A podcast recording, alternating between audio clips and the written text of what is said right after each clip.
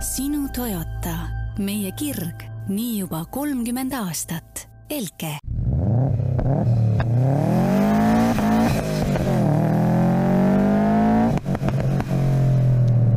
tere ja kena teisipäeva, oleme siin istmesoojenduse stuudios, mina ja Veli, seekord kahekesi ja lähme kohe teemade juurde. esimene teema puudutab siis äh, superautosid siit-sealt, äh, ka natukene pragmaatilisemaid äh, autotootjaid, Volkswagen Gruppi üldisemalt ja nii edasi. mis lugu siis konkreetselt on? ühesõnaga, kes veel ei tea, siis Horvaatias on olemas selline elektriliste superautode tootja nagu Rimac see hääldus on muidugi on ju Horvaatia, Horvaatia pärane. harjumatu jah, eestlane on ikka harjunud, et on Rimac ja Dacia ja Lamborghini ja.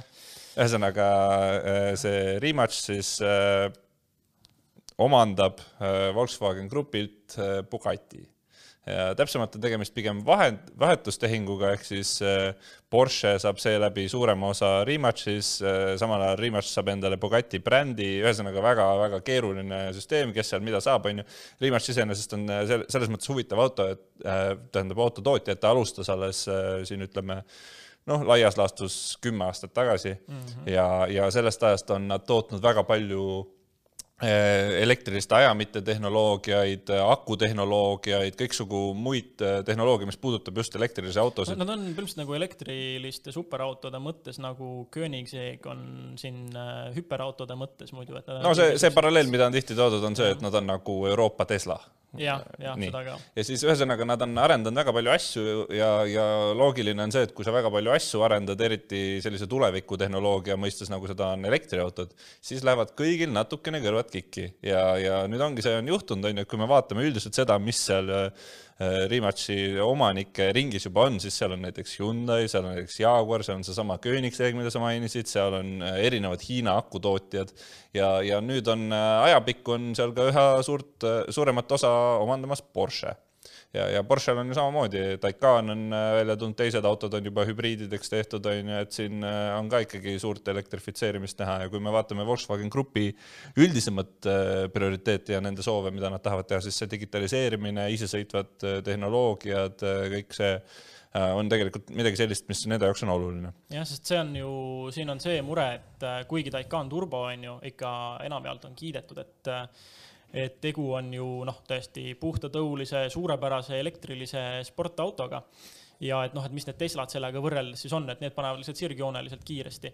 kuigi tegelikkus on see, et siin äh, just need, kes mõistavad rohkem IT-d, on äh, natukene vaadanud Teslasid lähemalt ja jõudnud järeldusele, et kõik see, mis puudutab isesõitmist ja mingisugust niisugust äh, taustaelektroonikat ja kõike seda auto juhtaju ja seda juhtimist, et siis ei ole teised autotootjad sellele ligilähedalegi veel saanud.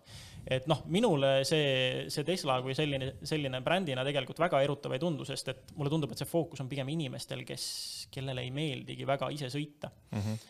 et Porsche seevastu on ju, on sõidupuristidele, nendele, kellele meeldib, meeldib ise roolis olla ikkagi, kes ei taha teha kulgemist punktist A punkti B selliseks noh, selliseks äh, igavaks viibimiseks, vaid ikkagi see on sündmus.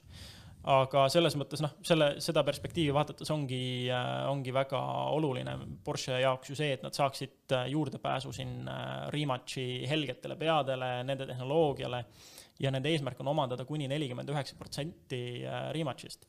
et ühesõnaga ja samamoodi siis horvaadid soovivad jällegi seda, et nende C2 superauto tootmiseks vajalik infra oleks olemas, et neil on praegu seda puudu ja Bugatti näol saaksid nad äh, tõenäoliselt väga suure osa sellest kõigest kaetud. et tegelikult saab tõenäoliselt olema väga põnev jälgida, et kui see diil nüüd läbi läheb, nii kuidas kõik osapooled soovivad, et äh, mida siis hakkab peale Porsche selle elektriliste superautode tehnoloogia boost'iga, mis nad oma know-how'sse saavad ja mida siis hakkab äh, Rimac peale Bugatiga pluss siin on ju veel taustaks räägitud sellest, et Ferdinand Piech on ju, kelle -hmm. siis kõik kõik, kes oli siis Volkswagen Grupi eh, endine otsustaja eh, ja kes praegu eh, on kahjuks juba manalateed läinud, siis tema oli ju see, kes kokku hankis kõik need ütleme nii-öelda kroonijuveelid sinna mm -hmm. Volkswagen Grupi alla, Lamborghini, Bentley on ju, et kõik need on ikkagi tema, tema suuresti hangitud sinna ja samal ajal on ka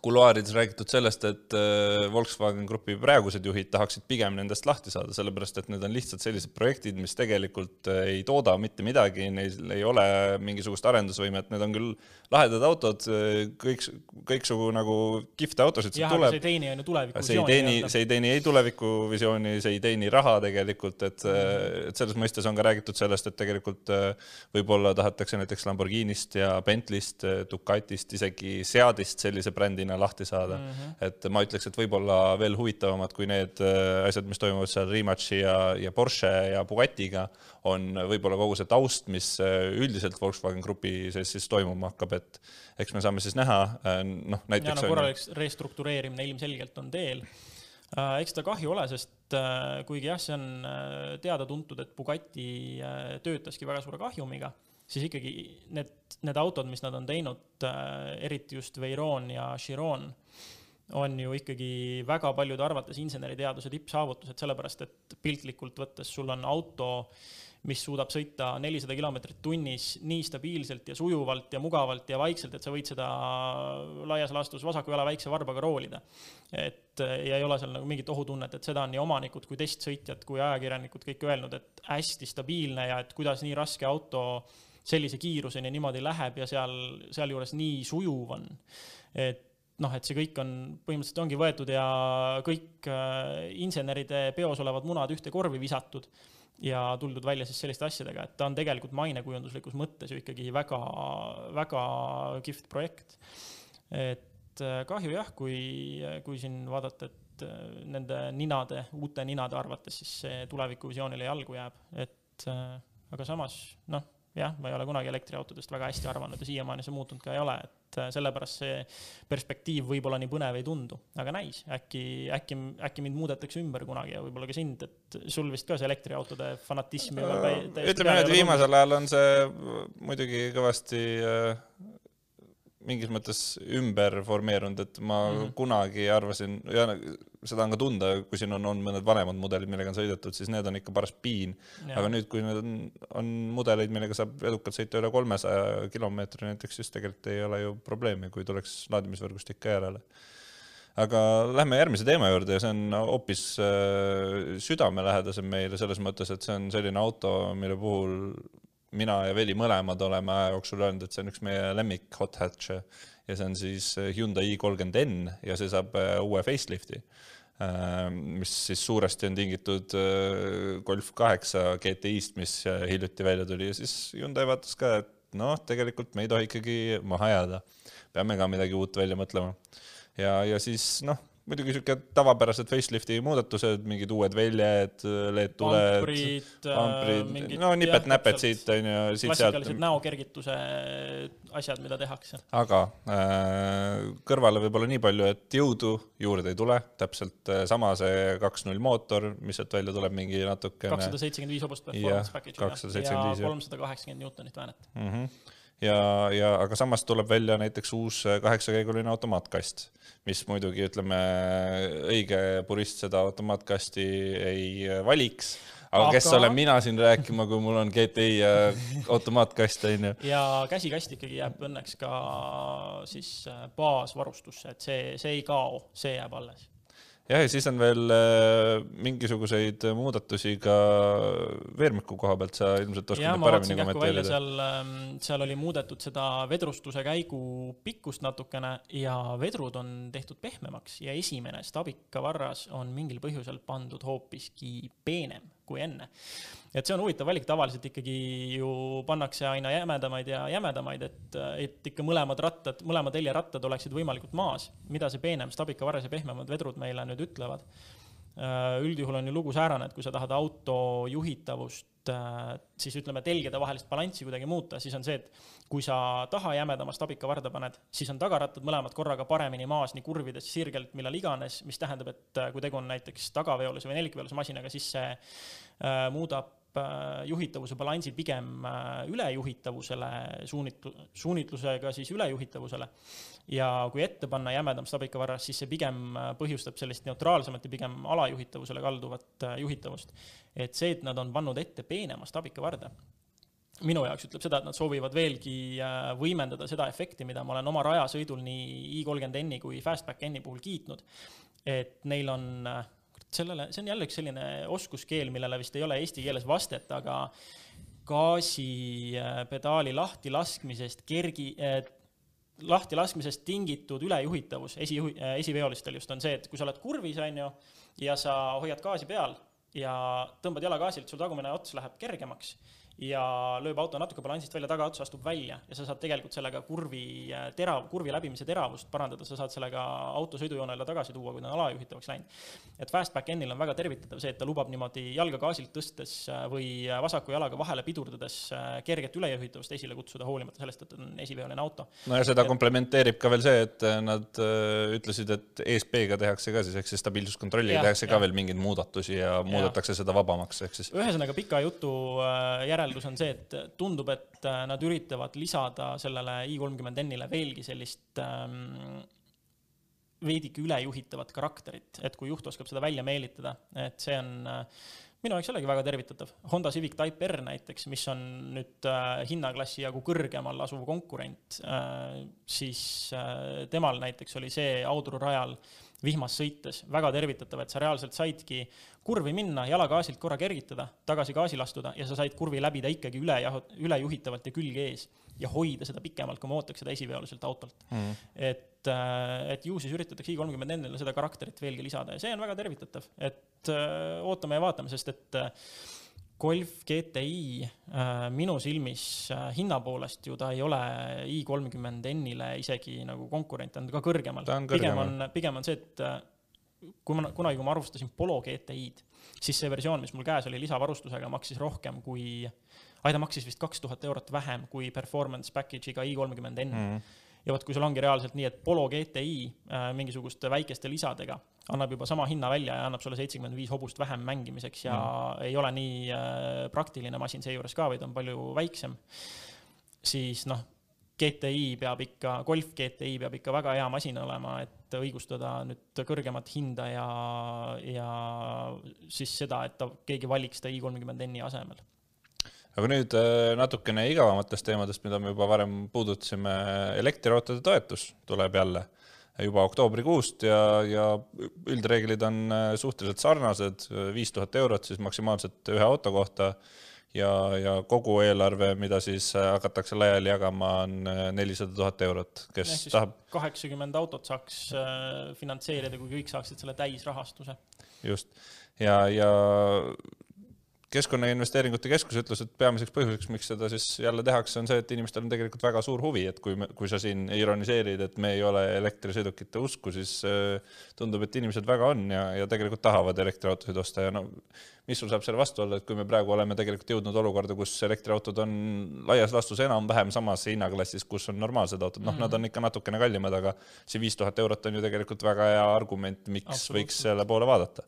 Äh, aga seal on äh, muidugi mõned äh, eritingimused, äh, näiteks auto hind tohib olla kuni viiskümmend tuhat ilma käibemaksuta, siis auto peab nelja aasta jooksul läbima vähemalt kaheksakümmend tuhat kilomeetrit ja lisaks veel see et, et kaheksakümmend protsenti sellest peab olema Eestis ja see peab olema ka tõendatav. kuuskümmend neli tuhat kilomeetrit Eestis kahe aastaga, jah, jah Äh, ja, ja pluss on veel see väikene tingimus, et äh, need inimesed ja need firmad, kes juba esimeses voorus selle toetuse said, äh, need siis teises voorus seda enam ei saa, sellepärast et muidu see oleks lihtsalt ebaõiglane kõikide teiste suhtes. selles plaanis mõeldes Veli, kui sa peaksid nüüd valima selle viie tuhande toetusega ühe elektriauto, mille sa ostaksid homme päev, siis mis auto see võiks olla?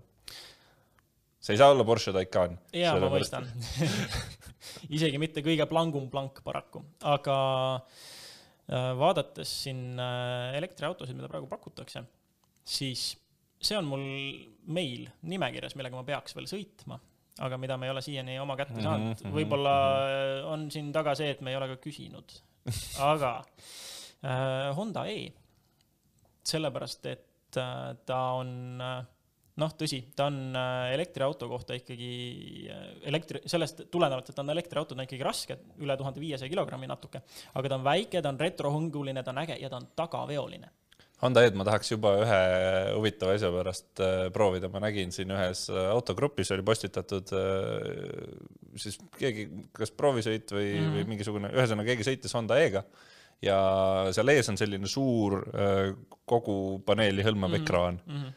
Ja mis on kõige huvitavam, see, kus tavaliselt on USB augud, oli HDMI äh, kaablipesa ah jaa, mul tuleb ette meelde. ehk siis mm -hmm. äh, ma tahaks nagu näha seda, et mis funktsioon seal HDMI kaablil on ja kui seal on selline funktsioon, nagu ma kujutan ette, et seal võiks olla, siis see võib päris huvitav olla, et kui sa paned ja. sinna suure selle peale mingisuguse filmi, fi filmi mängima, siis kuidas see kogu äh, autosõidu ohutust ja kõike seda ei, ma arvan, et no loogiline oleks, et see ei luba sõita samal ajal äh,. kunagi, kui aga äkki tahab kaas, kaasistuja vaadata filmi, miks ta ei võiks? jah, noh, tõsi, aga mulle meenub näiteks see, et äh, kunagi äh, Portugalis, kui ma omandasin oma magistri magistrikraadi siis äh, filmiproduktsiooni alal, siis me tegime oma ühte lõpufilmi, mis oli siis niisugune futuristlik äh, lähitulevikus toimuv äh,, toimuv lühifilm. Ja seal oli meil siis äh, staarautoks oli, mis see aasta võis olla siis, kaks tuhat seitseteist, selle aasta Renault Zoe, Zoe hmm., Zoe. Ja mm, seal oli ka keskel suhteliselt suur ekraan ja meil oli vaja siis veel, et seda futuristlikut äh, ilmet seal filmis täiendada, oli meil vaja sinna keskele ekraanile saada green screen koos siis nende tracker itega, mis sa sinna nurka paned, et pärast saab äh, järeltöötluses saab siis luua sinna uue graafika ja uue kasutajaliidese ja siis nende tracker ite järgi seda on ju vastavalt kaamera liikumisele, liikumisele kaasa liigutada, et ta mm. näeks äh, reaalne välja ja mis, mis probleem oli, said küll ühendada varjatult äh, USB pulga ja sealt panna selle green screen'i koos erinevate tracker itega sinna peale jooksma, aga kohe, kui sa mingist kiirusest kiiremini sõitma hakkasid, kadus see eest ära.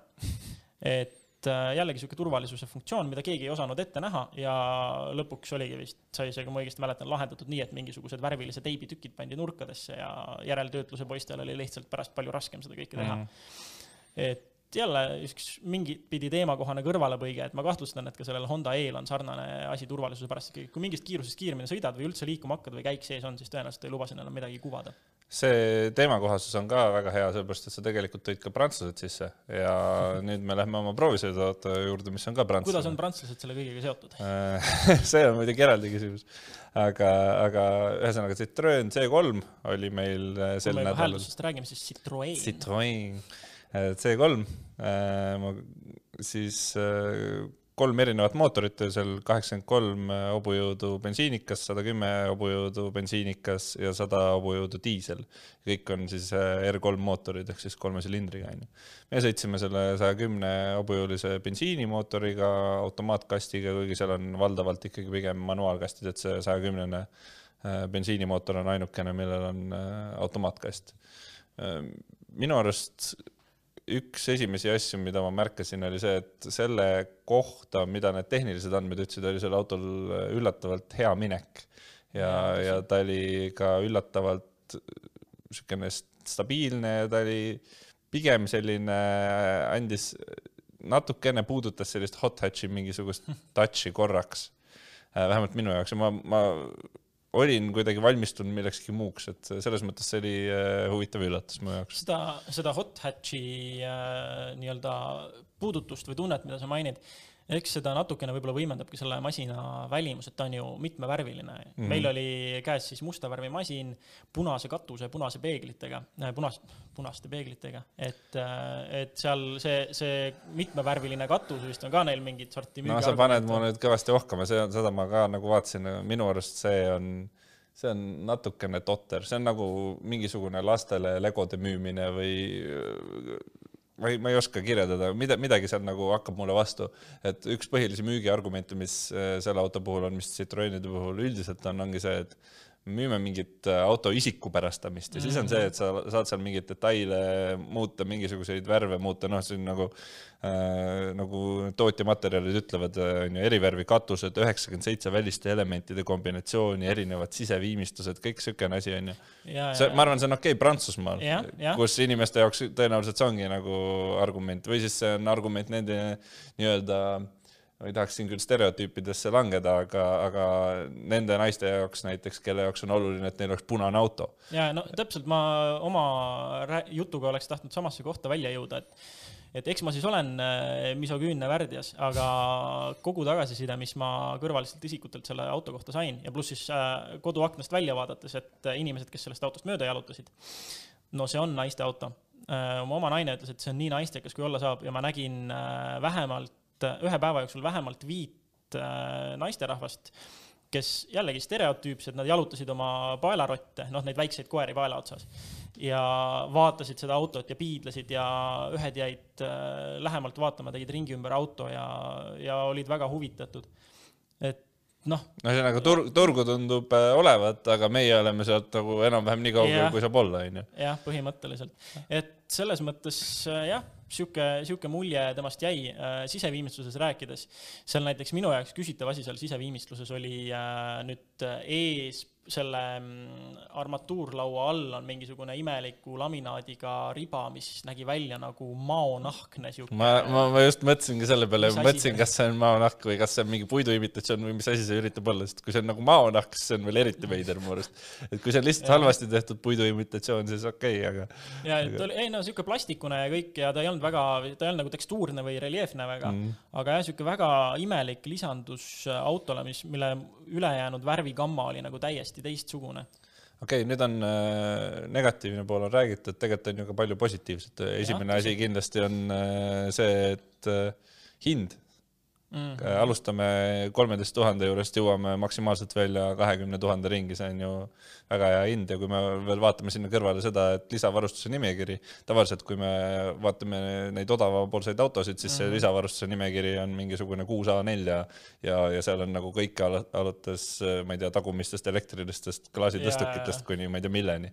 Äh, seal ei olnud seda, põhimõtteliselt üks äh, lehekülg ja need asjad, mis seal olid, olid ka täiesti loogilised asjad, mis võiks lisavarustuse nimekirjas olla, selles mõttes oli ka minu arust positiivne üllatus, ma vaatasin seda, ma ei suutnud nagu mingisugust müstilist numbrit numbrit sealt välja kergitada, et isegi mm -hmm. kui mhm. oleks kõik lisad pannud, siis äh, seal ei oleks seda olnud, et see auto hind oleks kerkinud mingi kolmekümne viie tuhandeni, nagu ta vahepeal on ju on äh, mina, kes ma tavaliselt kritiseerin istumist, istmeid, istepositsiooni, kõike seda, selles vallas oli ka kõik väga hästi. Need istmed, kuigi nad alguses tunduvad nagu veidrad, nagu mingisugused vanad, mingid kinokosmose vanad istmed, sellised svammijad ja kuidagi yeah., siis äh, tegelikult need olid väga mugavad ja need olid, äh, ka istepositsioon oli, minu jaoks oli natuke kõrge, ma oleks tahtnud, et oleks natuke madalam olnud, aga üldjoontes äh, pearuumi oli korralikult, mul oli veel mingisugune mm, ma ei tea, viisteist sentimeetrit seal põhimõtteliselt nagu lisaruumi, et kuhu oleks võinud mingi Martin Müürsepa ka sisse mahutada, kui tahtnud oleks et selles no, mõttes. kui me räägime, kui sa rääkisid istmetest ja mugavusest, siis ma võtaks kokku üleüldise sõidumugavuse, et see tundub olevat siin viimase aja uuemate prantslaste tendents, eriti just Citroenide. et näiteks kuna on äh, siin äh, firma tööauto on uus Berlinks, siis sellega samamoodi sõidukogemus ja kõik on, ta on pehme, ta on vedrustuse poolelt ka pehme ja mugav ja heliisolatsioon sellise hinnaklassi auto kohta on ootamatult okei okay ja sama võib öelda ka helisüsteemi kohta, kuigi seal mingitel sagedustel oli mingi mööndus, et äh, mina ise seda nii väga ei kuulnud, aga mul jällegi naine juhtis tähelepanu sellele, et mingid kõrged sagedused äh, natukene resoneerisid vastikult ja seda ei saanud siis äh, selle equalizer'iga kuidagi välja tuunida. et et äh, kuidas kellele, minule tundus igatahes vähemalt juhi kohalt, et äh, täiesti, täiesti okei äh, okei heliga masin. noh, ega sellise hinna puhul ei eelda ka, et seal mm mingisugune Boosed suur... või Harman Kardonid või mingid asjad oleks muidugi. et mingi suured brändi stereod sees oleks.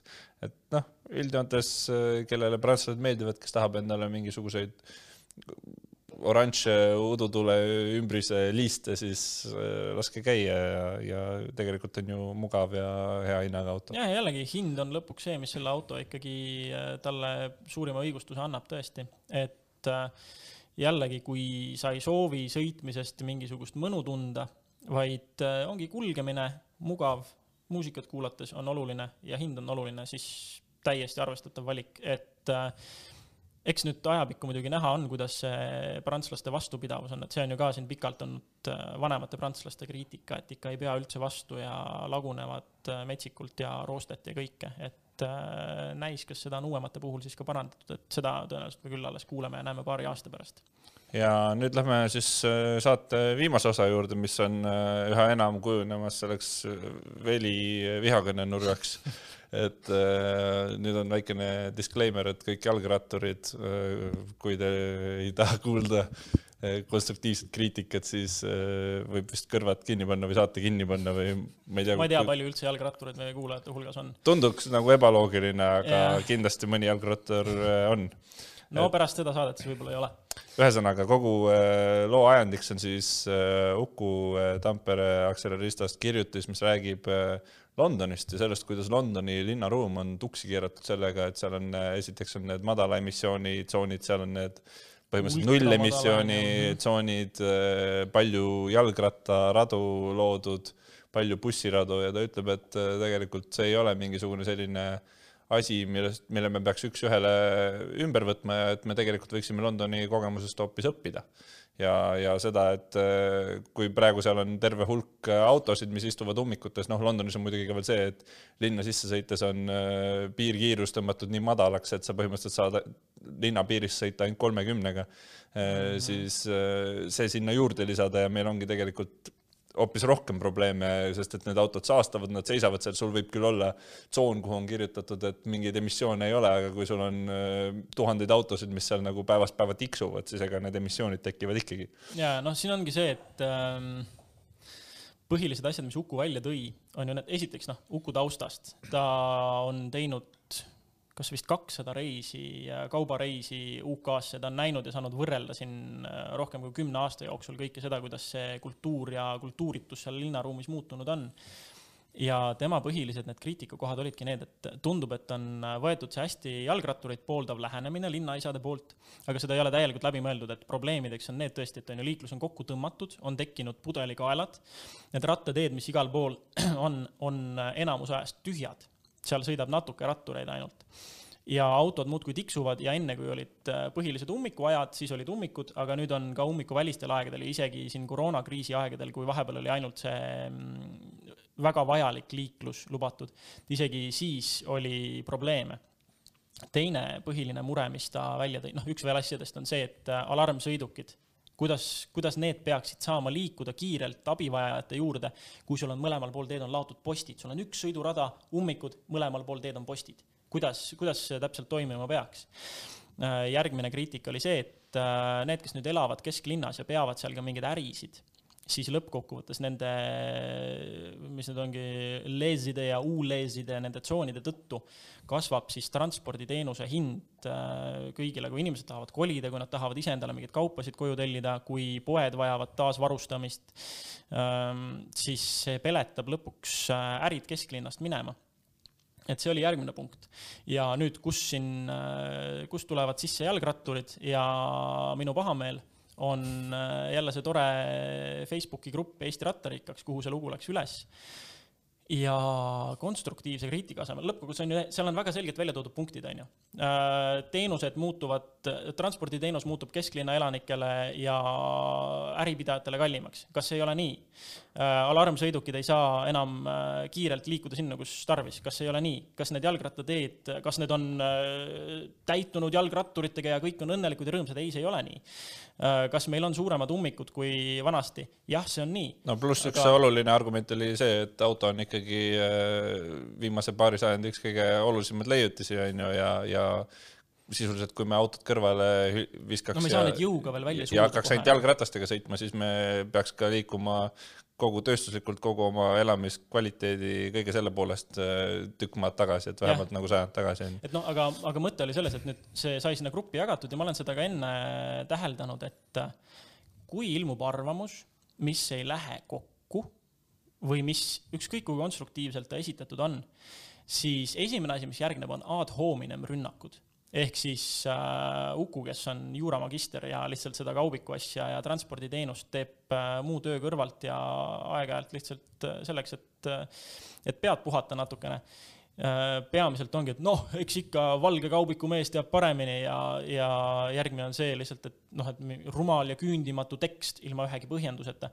mitte mingit pragmaatilist või loogilist diskursust, diskussiooni, mitte midagi, lihtsalt mm. ad hominem inimese vastased rünnakud, sellepärast et äh, väljendatud arvamus ei sobi neile. aga kui me nüüd võtame uuesti selle lahti samamoodi, nagu ma välja tõin, on ju, see on see punkt, mille ta välja toob, kas ei ole nii, see on see teine punkt, mis ta välja toob, kas ei ole nii, see on see kolmas punkt, mille ta välja toob, kas see ei ole nii, siis äh, noh, selle põhjal võiks toimuda diskussioon ja arutelu, aga seda ei toimu, et äh, et sellest on paraku nende kõvahäälsete tõttu, noh, samamoodi nagu feminismil on nende ekstreemfeministide pärast halb maitse juures. no ma arvan, et täpselt samamoodi on tegelikult kõige nagu, valjuhäälsemad aktivistid. ma arvan, et samamoodi, samasuguseid äh, autoinimesi on ka, kes ütlevadki, et jalgratturid üldse ei peaks sõitma, onju, mis on ka nonsense minu arust täpselt samamoodi. no ühesõnaga ekstremistid annavad, äh, või noh, ma ei saa öelda ekstremistid, aga need kõige valjuhäälsemad äh, arvamuse avaldajad annavad paraku halva maitse kogu sellele asjale juurde, mida nad propageerivad et äh, mina olen pragmaatilise ja loogilise diskursuse pooldaja.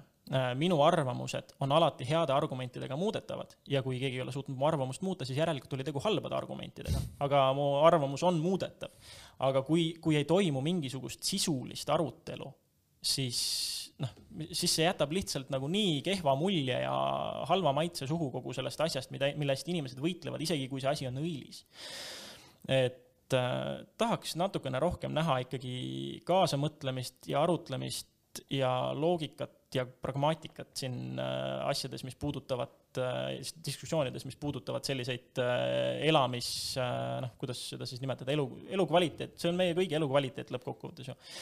et ähm, paraku jah, ei, ei paista seda veel tulevat, et on lihtsalt valjuhäälsed aktivistid, kes äh, ei suuda kuidagiviisi kõigutada minu arvamust nende kasuks. no vot, siin äh, saamegi lõpetada saate ühe kena üleskutsega, et äh, kõik konstruktiivsed jalgrattahuvilised siis teate, kus on istmesoojenduse Facebooki leht, ma arvan, te suudate ka Veli üles otsida kuskilt veebiavarustest, et äh, saatke talle siis oma argumendid ja võib-olla järgmises saates me vaatame seda asja hoopis mingisuguse teise äh, prisma alt, et äh, ühesõnaga aitäh teile kuulamast ja, ja kuulame juba järgmisel nädalal.